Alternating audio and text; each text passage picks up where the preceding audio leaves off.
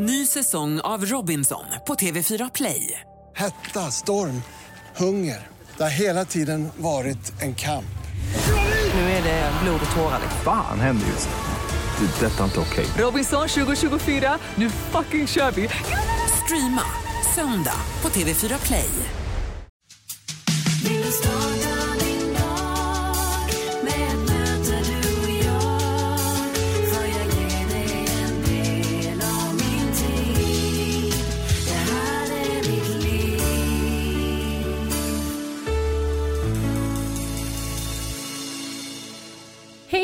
Och välkomna till avsnitt 235 av Livshjulet med mig Anna Hegerstrand.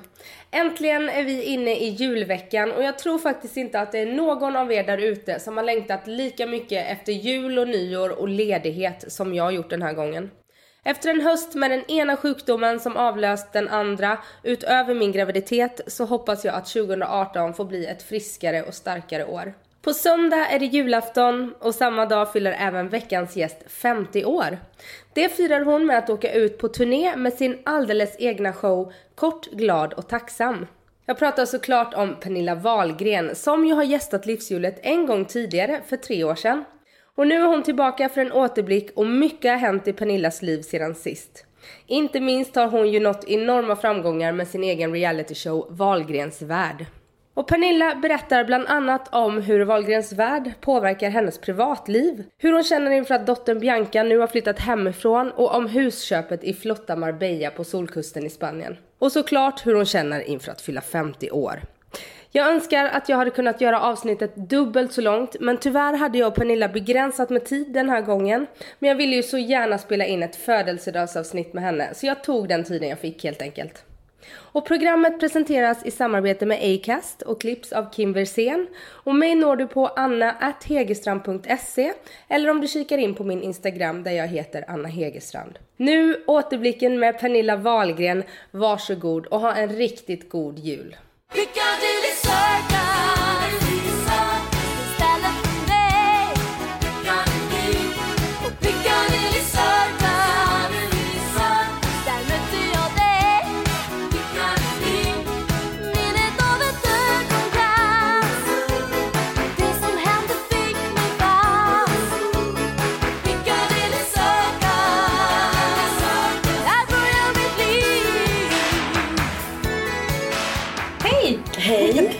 igen. Ja. Och det här är ju återblicken, livshjulet. Vi gjorde ju den här podden för tre år sedan på Maximteatern. Nej, Satt det sant? Ja. Och vad läskigt, jag kommer inte ihåg det. Nej men du har gjort ett par intervjuer sedan dess och Ja. även med mig ett par intervjuer sedan Ja, för vi gjorde något när vi hade varit i Kambodja va? Ja. Ja. Nej, nej, Nej. Det var eh, Helena Trus för Aftonbladet. Jaha, Mm. okej. ja. ja. Vi, är, vi är så lätta att blanda ihop. Ja, eller hur? Ja, ja, Ja. Men, men eh, vi hörs ju ett par gånger om året. Ja, Maximteatern. Du skulle göra Trollkarlen från Oz då. Jaha. Mm, det är Gud. så länge sedan. Oj, ja det var ett tag sedan. Ja. Hur mår du idag då? Jag mår bra, förutom att jag är lite hes. Ehm, ja, ja, det är en hes dag och vi har gjort massa, massa eh, telefonintervjuer hela dagen. Så att, Och vi sitter på Hotell Rival i Stockholm. mm, Och du har pressdag mm, precis. för din show. För min kommande show. Ja. Kort, glad och tacksam. Kort, glad och tacksam. Som är en jubileumsshow både för 50 år i livet och 40 år på scen. Mm, precis. Vad vad kul. Mm. Hur, berätta mer. Eh, ja, nej men det är jätteroligt. Det är klart att jag under flera års tid har tänkt att jag ska göra en egen show och eh, det har funnits planer på det. Men sen så, ja, så får man erbjuda någon, någon rolig musikal eller någon annan rolig föreställning eller massa saker som tar tid. Så det har inte liksom, ja, jag har in- in- inte fått ihop det riktigt. Och sen så eh, det var det mycket min agent eller manager som sa att Nej, men hörru, nu, nu måste vi göra det. Nu, liksom, nu fyller du faktiskt 40 år som artist. Och så fyller du 50 liksom. Ska vi inte göra en jubileumsshow?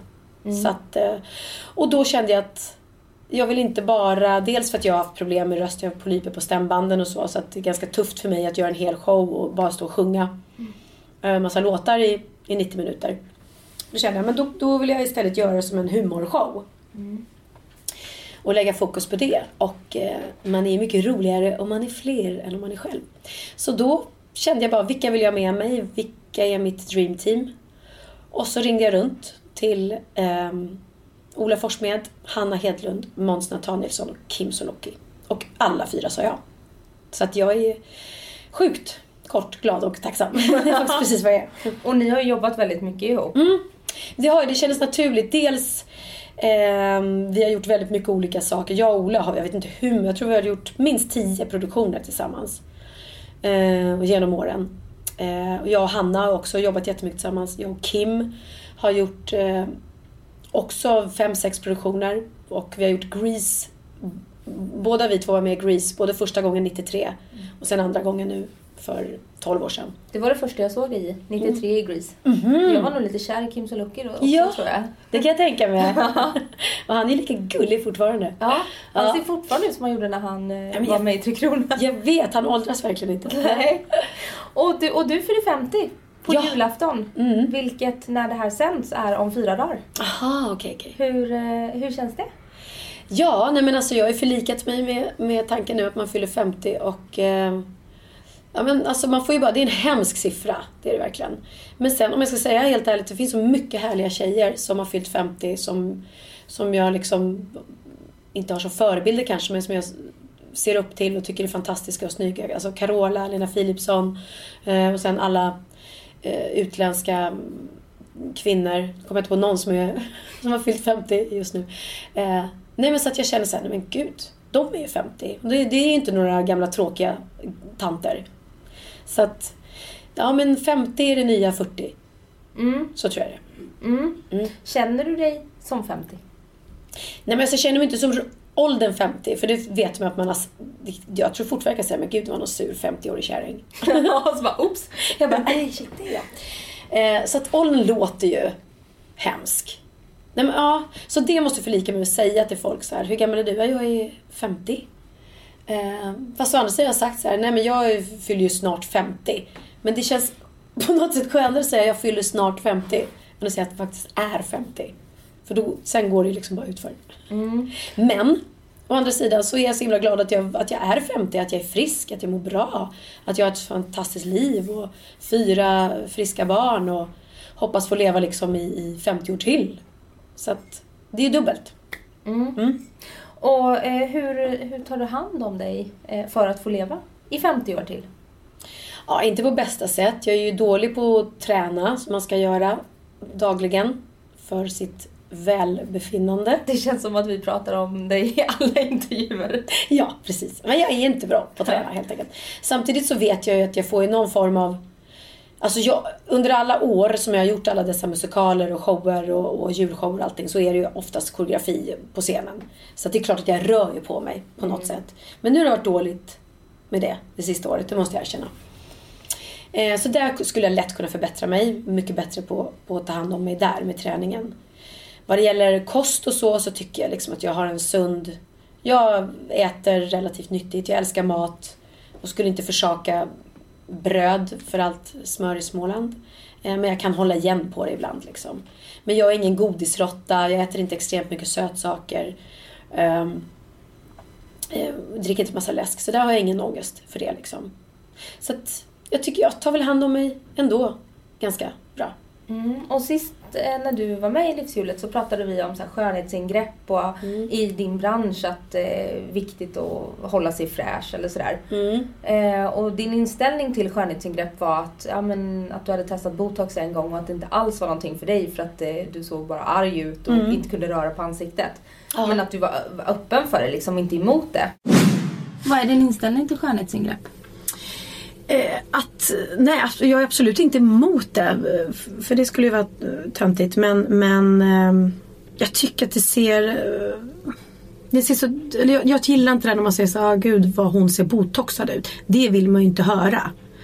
Eh, det är inget fel, det är bara att man känner så här, men Måste ni göra det så mycket eller konstigt? Sen, sen när man ser konst ut som eh, ja, Sylvester Stallone och de här hur de börjar. Hans mamma. Hans mamma framförallt. Ja.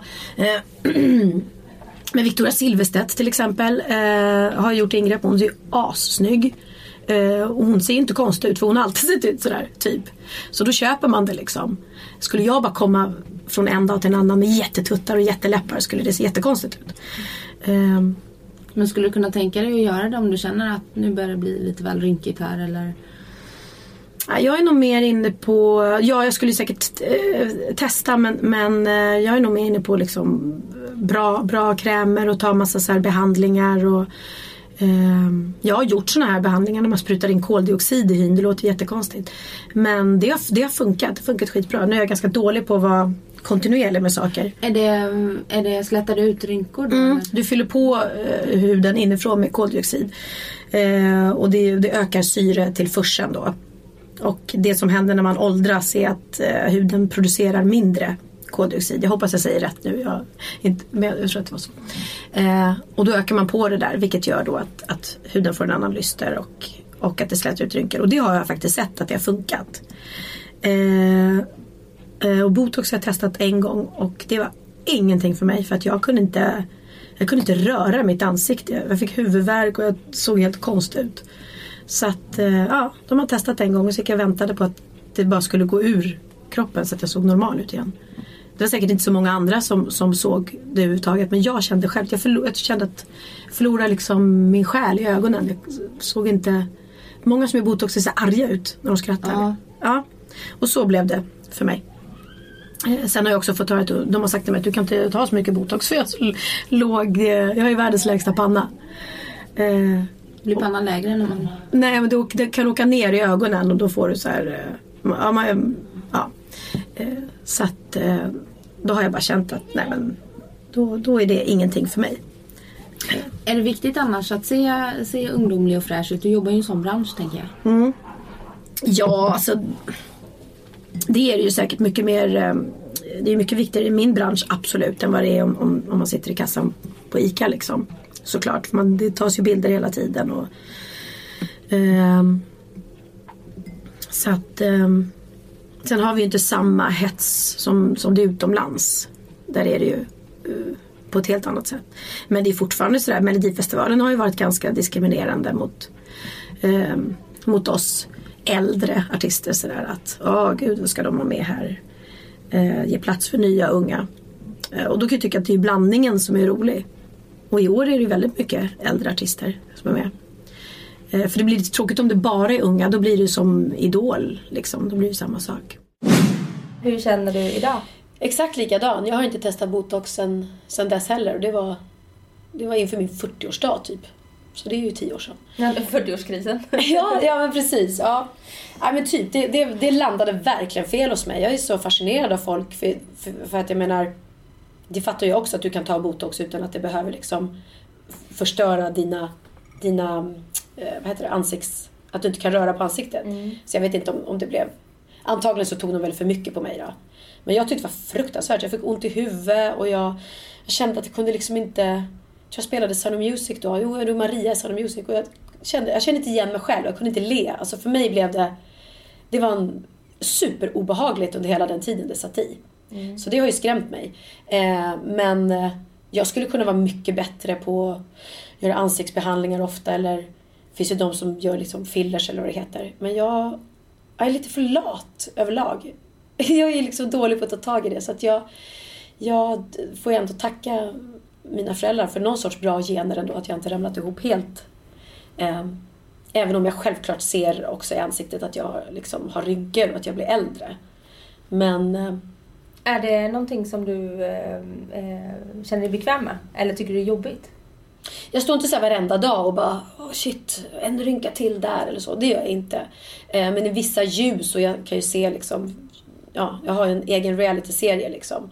Och det är inte så att den är så här superflott ljussatt och jag är inte alltid sminkad eller fixad. Så Det är inte så där- att du instruerar kameramännen att bara från höger sida? Nej, exakt. Jag har inget, Mariah Carey har en egen, egen realityserie men hon har ju så här eget filter som bara är när de filmar henne. Ehm, så att det är klart att jag ser, jag bara shit, oj ja, man kanske skulle behöva göra någonting. Ehm, men, eh, nej, men jag kunde definitivt vara bättre på att göra liksom så här boostande ansiktsbehandlingar och sånt. Vad skulle du annars säga att du är? Du är ju mitt i livet nu då, om du ska leva 50 år till. Ja. Vad, vad skulle du säga liksom att du är i livet? Är du nöjd med där du är? Ja, det måste jag verkligen säga. Jag är väldigt nöjd med där jag är. Jag har ett fantastiskt roligt jobb. Eh, och jag har en väldigt härlig relation med alla mina fyra barn. Eh, det är extremt problemfritt på den fronten. Som det inte alltid har varit. Ehm, och jag har fått göra så mycket roliga saker senaste året. Vi har rest väldigt mycket. Jag älskar att resa. Och eh, det har jag verkligen fått göra. Och, och, ehm, nej, men jag, jag känner mig super, supernöjd faktiskt. Där jag är nu. Mm. Och för tre år sedan där så sa du att det skulle bli jobbigt när Bianca flyttade hemifrån. Då pratade, berörde vi det ämnet lite sådär och att Mm. men jag kommer nog fälla någon tår och sådär. En annan sak jag slogs av när jag var hemma hos dig det var hur otroligt varmt och nära ni verkar ha. Och så pratade jag med din dotter Bianca då som, som vill flytta ihop med sin kille men tycker det ska bli otroligt jobbigt att flytta hemifrån. Mycket på grund av att hon och Theo är så nära. Hur känner du nu inför att Bianca kommer flyga ur boet? Du har redan en son, Oliver har flugit Ja. ut. Mm. Han är 25 så att han flyttade för länge sedan. Han flyttade redan när han var 16. Så att, ehm, men med Bianca kommer det bli Tufft och särskilt Alltså vi har så himla mysigt ihop så att det är inte är sant. Och dels det att hon hjälper mig otroligt med Theo eh, och är en tillgång där. Och sen att vi har så himla mysigt tillsammans. Det är så kom, jag menar, jag lever inte tillsammans med någon man så för mig när jag kommer hem till mina barn det är ju så här. Eh, jag tycker det är jättemysigt. Och bara, vi käkar middagar ihop och vi chillar framför TVn eller vi gör saker ihop. Så att det kommer bli jättetomt för mig när hon flyttar. Verkligen. Eh så ehm, ja, det kommer nog gå råtas några tårar. Mm. Mm. Eller fälla några tårar kanske man säga. Men du har fortfarande några barn hemma då? Ja, jag har ju Benjamin och Theo. Det har jag. Men Bianca är så, Bianca är så himla pysslig av sig. Ehm, det låter ju hemskt så här, att, bara för att hon är tjej då. Men, men, nej, men vi gillar det. är väldigt, väldigt lätt att ringa henne och bara kan du duka fram till middagen. Jag har köpt med mig mat. Och så vet jag att när jag kommer hem så är det så här mysigt du- dukat. Och hon har tänt levande ljus och fixar överallt. Det, det, är- det är han inte riktigt lika lätt som Benjamin. Nej, och sen är han lite yngre också. ja, precis. Hur har det varit nu när hon faktiskt har flyttat hemifrån? Ja men hon har gjort det lite sådär successivt så det var ganska skönt. Att det var inte att hon försvann bara på en dag liksom. Och sen också i och med att hon eh, har ju sin pojkvän så att när han har varit hemma i Sverige, för han bor i London eh, för tillfället. Då har hon varit extremt mycket hos honom. Så att jag har ju vant mig vid att hon inte alltid, alltid är hemma. Så det var inte så att hon från ena dagen bara, oj, vad hennes rum var tomt. Utan, eh, nej tvärtom så kändes det väldigt så här la, var väldigt bra timing när hon flyttade och kul för henne att få eget och, och skönt för mig att få lite mer plats i huset. Jag ska genast göra mitt dressingroom dubbelt så stort nu för nu har jag kunnat, nu kan jag ta Theos rum och slå ut en vägg, göra det till dressingroom och han flyttar ner till Benjamin, Benjamin flyttar in till Bianca. Perfekt. Och eh, kom, du kommer bo kvar i eh, kedjehuset Mm, på ja, Lidingö? mm, du kommer ihåg att det heter kedjehus? Ja. Ja. Men eh, du trivs i huset. Hur länge har ni bott där? Du bor i, kan man säga, det är inte Ja, radhus. kedjehus heter det. Ja. Eh, Det kallas för det, jättekonstigt. Eh, Det är när garage, mitt garage sitter ihop med grannens hus och vice versa. Har ingen aning om varför. Eh, eh, vilket gör att alla som kommer till mig parkerar på grann, grannens garage. För de Ja, tror det jag. vi. Ja. Så den som har uppfunnit kedjehus skulle jag vilja ta ett snack med för jag förstår inte logistiken eller meningen med det. Men så är det. När jag bor i ett kedjehus på en liten lugn gata på Lidingö. Där jag har bott, alltså jag har bott på Lidingö i tio år tror jag. Trivs jättebra, älskar Lidingö. Eh, och bodde förut i ett stort kråkslott eh, som var jättevackert men jättestort. Mycket att göra. Och jag bodde mitt i en korsning där det, där det var väldigt mycket trafik så jag var alltid rädd. Eh, för ungarna när de, eller när Theo var mindre. Eh, man kunde absolut inte springa till någon kompis eller så. Och här är en sån här eh, Bullerbygata där, där barnen springer mellan husen och det finns inte, inte massa trafik. Och sen har jag världens sötaste lilla insjö utanför mitt fönster som jag tittar på. Så att jag trivs jätte, jättebra.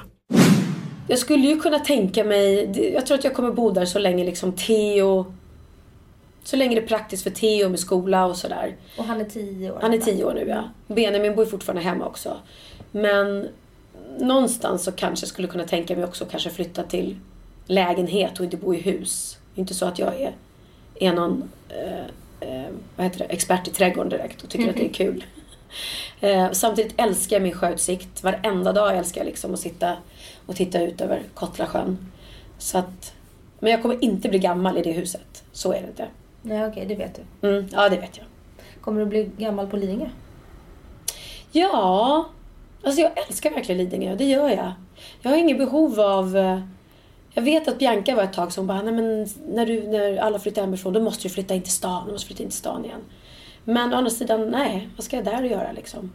Det- Ja, ja, jag gillar Lidingö, det gör jag. Mm, det är ganska nära stan. Ja, ja, det tar så här sju minuter. Och sen så har ju du eh, utökat ditt boende också. Mm. På sydligare breddgrader. Ja. Ehm, jag håller på nu och skriver klart alla papper och så. Så att eh, besiktningen är inte gjord än. Men, men eh, så länge den, om det inte är några konstigheter där. Att, eh, så, så, så blir det hus i Spanien, ja. Ja, I Marbella va? Mm. Hur kommer det sig att det blev Marbella? För dina föräldrar har hus i Närsjö va? Mm, precis. Mamma och pappa har hus i Närsjö sedan 17 år, tror jag. Nu tittar jag på Jessica som ligger i min säng här Ja. på hotellrummet. med- med har Ja, vi är inte ensamma i det här rummet. Jessica har legat i den här sängen hela dagen. Nej, jag har jobbat lite va? Ja, hon, ja, hon har sminkat mig också. Ja, det är Jessica, jag, jag gör ju även fotograferingar eh, idag. Så att Jessica är här för att inte bara hålla mig sällskap utan för att göra mig fin. Och så hade vi ett tv-team här för Wahlgrens värld som vi slängde ut. Exakt. Så vi har ett filmat reality så att vi höll på här på hotellrummet till... När gick vi och la oss Jessica? Halv två. Mm. Oj. Och 8.30 började första telefonintervjun. Ja. Så att, eh, men ja, så är det. Ja, ja, det är roligt att jag tänker, Wahlgrens värld är ju faktiskt ett jobb, men jag tänker inte ibland på att Nej, Ja, Just det, vi har filmat också. Ja. Mm. Nej, men det blev, mamma och pappa har haft hus i Närsjö i 17 år tror jag. Eh, och det har jag ju märkt otroligt gott. Det har gjort dem. Eh, alltså hela deras liv har ju förändrats sedan de köpte det där huset. Eh, hur bra de mår där nere, hur de njuter av värmen, solen, vännerna. Eh, istället för att sitta liksom i kalla Sverige då större delen av året. Och där kände jag, började jag väl känna mer och mer att ah, så vill jag också leva när jag blir äldre liksom.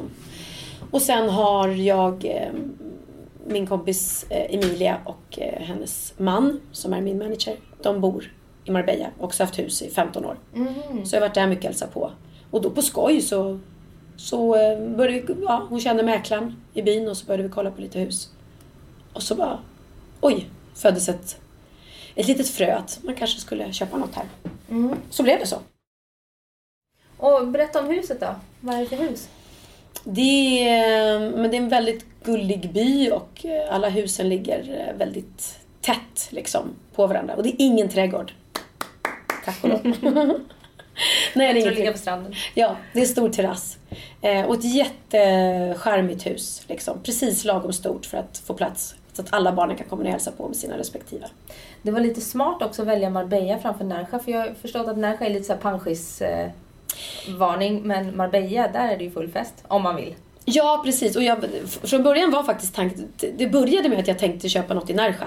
Eh, för jag, mamma hade en idé om att, om att vi skulle köpa något ihop. Att de skulle sälja sitt hus. Och så, för att det blir lite trångt när vi kommer ner alla barn och barnbarn och respektive till mamma och pappa i Närsjö. Då får vi liksom faktiskt inte plats allihopa i huset. Så sa vi, ja men kanske vi köper, vi köper något ihop då. Så ett riktigt stort hus. Men då sa ju mina stora barn då bara, va? I Närsjö? Nej men gud, vi vill inte åka dit. Där vill inte vi vara. För de tycker det är mysigt typ att åka dit och hälsa på mormor och morfar. Men de vill inte hänga där så mycket. Plus att de har en pappa som har hus, eh, eller som bor eh, på Mallorca. Ja. Eh, och då sa de så här, men gud ska vi åka till Spanien? Då vill vi hellre vara på Mallorca än i Närsjö. Så att eh, Marbella, det blev liksom en, en mellanväg. För det, det är som du säger. Marbella finns ju lite mer coola restauranger och schyssta stränder och sådär. Utelivet är jag inte så sugen på. Nej. Nej, och det är inte mina barn heller faktiskt. Jag, de festar aldrig när de är med, med mig på sådana utlandssemestrar. Utan det är maten i prio ett. Ja, det är så. Ja. Här hemma då? Går du ut någonting? Nej, väldigt eh, sällan. Jag var ute i fredags för att vi spelade Sunes jul i Göteborg. Och eh, jag och Hanna Hedlund tillsammans. Och sen så kom Jessica som ligger i sängen här. Hustomten. Hustomten. kom, kom ner och så gick vi allihopa och såg vår kompis Lisa Stadells julshow som hon gör där tillsammans med Peter Magnusson bland andra. Och då gick vi ut efteråt på Toso som är Göteborgs absolut bästa restaurang i mitt tycke. Asiatisk va? Ja, det är så gott. Det är så gott. Mm, jag har hört om den. Mm. Och det blev en hel del eh, skumpa och eh, så den kvällen. Så det var väldigt kul och det blev väldigt sent. Men när de andra gick vidare på nattklubb, då gick jag direkt till hotellet. Så nej, jag gillar inte, alltså jag gillar att gå ut och käka middag och dricka eh, drinkar eller vin eller champagne. Men jag gillar inte att gå på nattklubb. Mm. Jag tänkte precis fråga, vad är du för partytyp? Men det svarade ju rätt bra på det. Ja, jag är ingen sån här... eh, Sofia och jag, vi har ju våran podd och hon är ofta såhär, åh vi måste gå ut och festa. För hon festar också väldigt sällan. Men när hon gör det, då är hon typ så här, du vet, dricker shots och dansar på bordet och sådär. Och det är inte jag. Jag hatar shots. Och jag... Eh, s- sällan du ser mig dansa eller bli crazy. Jag, jag sitter nog mest och blir eh, trött och glad. Ja, det är så. ja. Men är det det att du inte gillar att tappa kontrollen och bli berusad så mycket eller är det mer att... Eh, nej, det är nog bara att jag... Eh, jag vet inte, jag blir inte wild and crazy på något sånt sätt. Jag tror jag har så mycket ener- energi i mig för övrigt. Det kanske är så jag har så mycket energi så när jag dricker alkohol blir jag trött istället. Jag vet inte. Nej, men jag, jag, jag bara gillar det här att sitta och bara köta. Tycker jag är mysigt. Mm. Mm. Jag gjorde en intervju med Bianca Mm. eh, inför Wahlgrens värld, Ja. säsongen som gick nu i höst. Eh, och då så sa hon det att när jag flyttar hemifrån så ser jag det lite som en spark i röven för mamma att kanske eh, träffa någon. Mm, Ja, det är så roligt som att jag inte skulle kunna träffa någon bara för att hon bor hemma. Hon tänker väl att hon är i vägen där. Mm, ja. Eh, ja, alltså jag vet inte. Det är klart att ju, ju fler barn som flyttar hemifrån automatiskt blir det ju lite tommare. Det blir det ju liksom. Mm. Jag menar, jag och Bianca har ju verkligen haft sådär att man kommer hem och eh, ja, vi kanske lagar middag tillsammans och sitter och kollar på TV. Och så är det ju inte nu, för nu bor hon ju inte hemma. Och Benjamin bor ju fortfarande hemma men är extremt mycket antingen hos sin flickvän eller i studion där han typ bor, musikstudion. Ehm, så, så egentligen är det ju mest jag och Theo.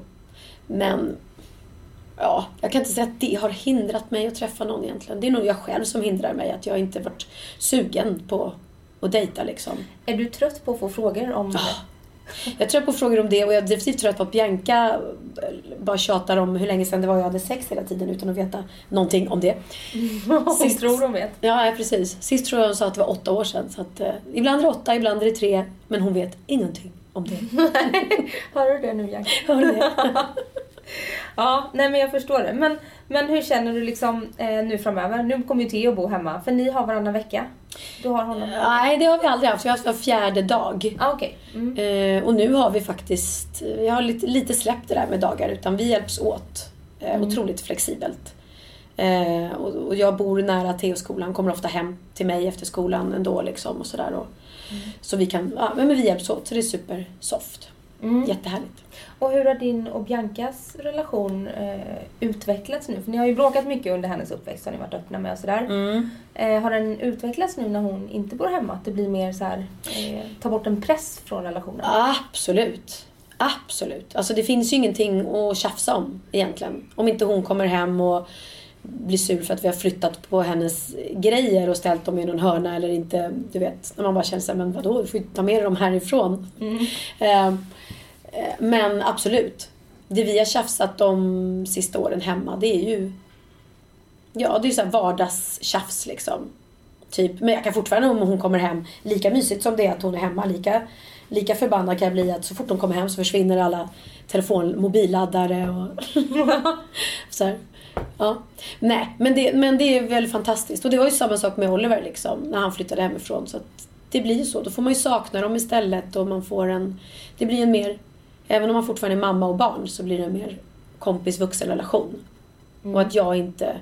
Hon kan inte klaga på mig vare sig om jag är stökig eller om jag har tagit hennes saker eller gjort någonting för att de tjafsen finns ju inte mera. Nej men precis. Mm. Och nu under tiden ni har gjort Wahlgrens värld så jobbar ni tillsammans kan man väl säga. Mm. Eh, och eh, det har varit väldigt intensivt. Och Bianca har ju varit öppen på sin eh, blogg med att ja, men det har varit väldigt mycket och sådär. Hur känner du som mamma när du hör, för du jobbar ju också väldigt mycket. Hur känner du när du hör att hon eh, ja, i perioder mår dåligt av att det Ja, blir för mycket? precis. Nej men jag, jag eh, är ju jättelyhörd och vill ju verkligen fråga henne hela tiden hur hon mår och liksom och får ju även säga till produktionsteamet att vi måste, vi kan inte filma hela, hela tiden för att Wahlgrens värld är ju inte det enda vi gör utan vi gör ju andra saker vid sidan om. Mm. Och eh, där är ju hon, jag har alltid haft en jäkligt hög växel och jobbat extremt mycket. Och bollat barn och familj och jobb och, och tusen saker hela tiden. Och, och har väl en högre tröskel vad jag orkar med också. Och hon, det är ganska nytt för henne med allt det här liksom. Och, och 22 år fyller hon nu. Och så pressen då på att prestera hela tiden och vara glad och stå framför kameran hur dåligt man än mår och sådär. Jag, jag fattar henne liksom att hon eh, bryter ihop ibland och då ska hon få säga ifrån liksom. Hur pratar du med henne om det? Nej men jag får ju se till att det är jätteviktigt att du tar dagar då du är helt ledig och, och försöka få att folk kan avlasta henne med grejer som hon kanske inte behöver göra, göra själv och, och eh, inte ställa så höga krav på sig själv och sådär. Men det... Och jag kanske tyckte nu när hon startade en egen podd sa jag väl kanske att ska du verkligen göra det? För jag vet ju själv eftersom jag har en podd med Sofia som ska levereras varje vecka och ibland så sitter vi mitt i natten och gör podd liksom och man är helt så här, du vet man vill nästan bara gråta för att man är så trött och sönderarbetad och den här podden måste ut. Och så ska man låta härlig Och så ska man låta härlig och glad och man ska komma med, ja du vet. Eh, så det sa jag faktiskt till henne. Jag hoppas du fattar vilket extremt jobb det är. Men å andra sidan kanske de kan vara lite, lite coolare och inte ha som krav att de måste, måste, måste släppa varje vecka. Utan är det så någon gång att man inte får ihop sitt schema så kan man kanske vara lite, släppa på det liksom. Och så får väl hon tänka lite med allting. Kommer det inte ut något blogginlägg ena dagen så... Men det är svårt. Det är, hon har ju otroligt mycket samarbetspartner. Ja, och jättemånga läsare. Det är hela hennes business, det är Mm. hennes varumärke. Det är det ju verkligen. Och eh, det vet ju jag också att har man så här sponsrade inlägg och har man liksom betalda eh, saker som där kunden kräver att man ska leverera, då, då måste hon göra det. Men jag tror hon funderar på att skaffa en assistent. Och det, tror jag, det låter ju så här Iber, så här, gud vad är det för så här, överklassbarn som måste ha en assistent? Men jag tror att det är bra för henne för att klara sig. För jag har alltid faktiskt helt ärligt haft assistenter som har hjälpt mig sedan jag var 18. Och det har gjort att jag har orkat liksom. Som har kunnat styra upp vissa saker och underlätta och sådär. En agent då till exempel? Eller? Ja men det har de. Det har Ja. de. Och, kan- och du har det också? Mm. Ja, det har jag också. Mm. Nej, men det, det har varit en jätteviktig viktig del i mitt liv. Vad tycker du om din egen arbetsbelastning? För det är ju kläder och det är eh, reality-tv och nu är det egen show och det är eh, en butik, Mm. blogg och ja. Och jag är ute på helgerna och turnerar med Sunes jul Ja, varje helg. det är väldigt spretigt liksom. Väldigt, väldigt mycket. Ja, det är det. Så att jag kan ju... Det kan jag ju känna att... Som typ nu när vi gör Sunes jul och de andra säger Gud vad härligt, nu ska jag åka hem och bara vara ledig. Jag bara Du börjar så kan blogga. okej, ja nej, men precis. Nej, jag ska åka hem och filma Wahlgrens värld. Eh, men det är, viktigt, det är samma sak att det är viktigt för mig att tala om det för dem också. Jag förstår att vi gör den här produktionen men jag måste få någon dag i veckan då jag är ledig. Därför att eh, jag, jag kan inte liksom prestera hela tiden och stå på scen eller framför en kamera sju dagar i veckan. Det orkar man inte. Det gör man inte. Vad är liksom drivkraften i allting? Eh, det är ju responsen från publiken. Och det är det verkligen. Jag skulle aldrig orka ehm, vare sig liksom att, att stå på scen eller turnera eller göra den här realityserien om det inte var så att man fick så otroligt mycket fin feedback och som positiv respons. Och att folk berättar vad man betyder för dem och att man har hjälpt folk i depression eller att de har fått, som programmet till exempel, tonårsföräldrar som har fått bättre relation med sina barn tack vare att de har tittat på, på programmet. Och, och just många som, många som har varit deprimerade. Det är faktiskt fantastiskt. Som säger att ah, Wahlgrens värld är det enda som får mig att skratta just nu. Eller jag lyssnar på din och Sofias podd och det, det då mår jag bättre. Liksom. Det är ju det är sådana saker som gör att man orkar och vill. Och det vet jag när man pratar om Wahlgrens värld. Folk som inte pratar med mig som behöver säga att det är bra för att Nej. jag är Pernilla Wahlgren. då. Nej, nej precis. som säger att det är så skönt att ni klär av liksom den här fasaden. Mm, Och att man får följa med bakom. mm, Både liksom att ni inte alltid är supersminkade och att eh, det är bråk och, och sådär precis. eh, hemma. Och, och vanliga problem liksom. Mm. För det är ju lätt att, ja men Sveriges mest kända familj, det är klart att det bara är guld och gröna skogar för dem. Ja men exakt, ja. Nej så att det, det, och det visste vi inte när vi gjorde den här serien hur det skulle mottas. Liksom. Nej. Läskigt. Jätteläskigt, gud ja. Och det är fortfarande lite läskigt så här med varje avsnitt när man bara, nej men gud, åh nu kommer det här, ja just det, aj, där sa ju hon det och det liksom. Och vad drar ni gränsen för vad som är för privat? Eh, jag brukar ju, eller vi får ju titta igenom programmet innan och då kan vi känna ibland om att ja, men det där kändes inget bra eller det där landade fel eller sådär. Eh, och sen egentligen det, en, det enda som är privat, vad ska jag säga, det är ju typ om jag säger att jag skulle träffa någon. Så Du skulle aldrig få vara med. Nej, inte då... Nej, inte, inte som jag kan se det. Absolut inte. Om jag skulle träffa en, en man idag så skulle jag ju inte vilja ha med det på TV.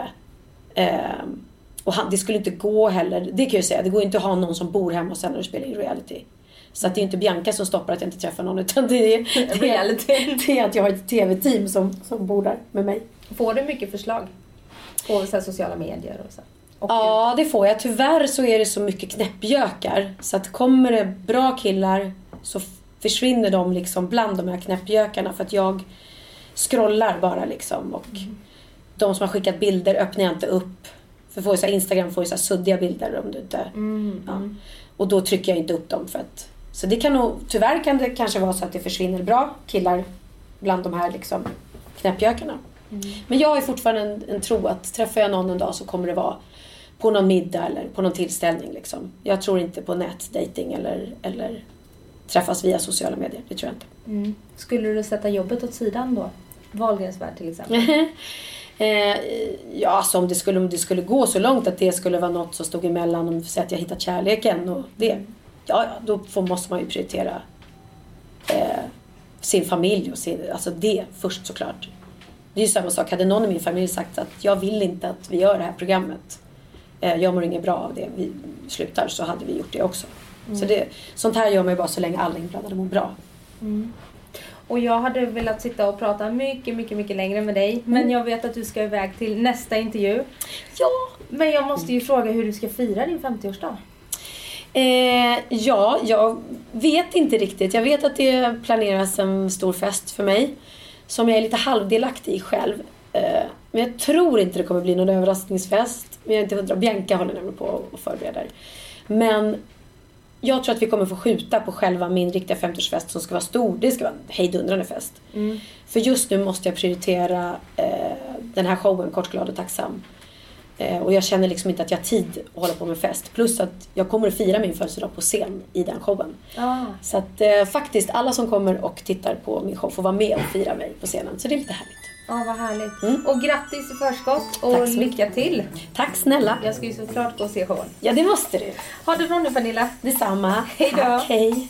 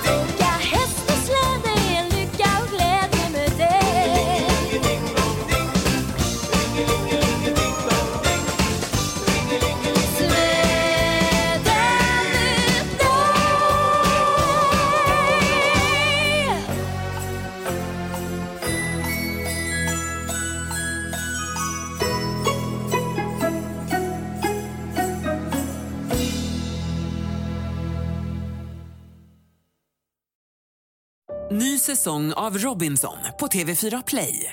Hetta, storm, hunger. Det har hela tiden varit en kamp. Nu är det blod och tårar. liksom. Fan händer just nu. Det. Detta är inte okej. Robinson 2024, nu fucking kör vi!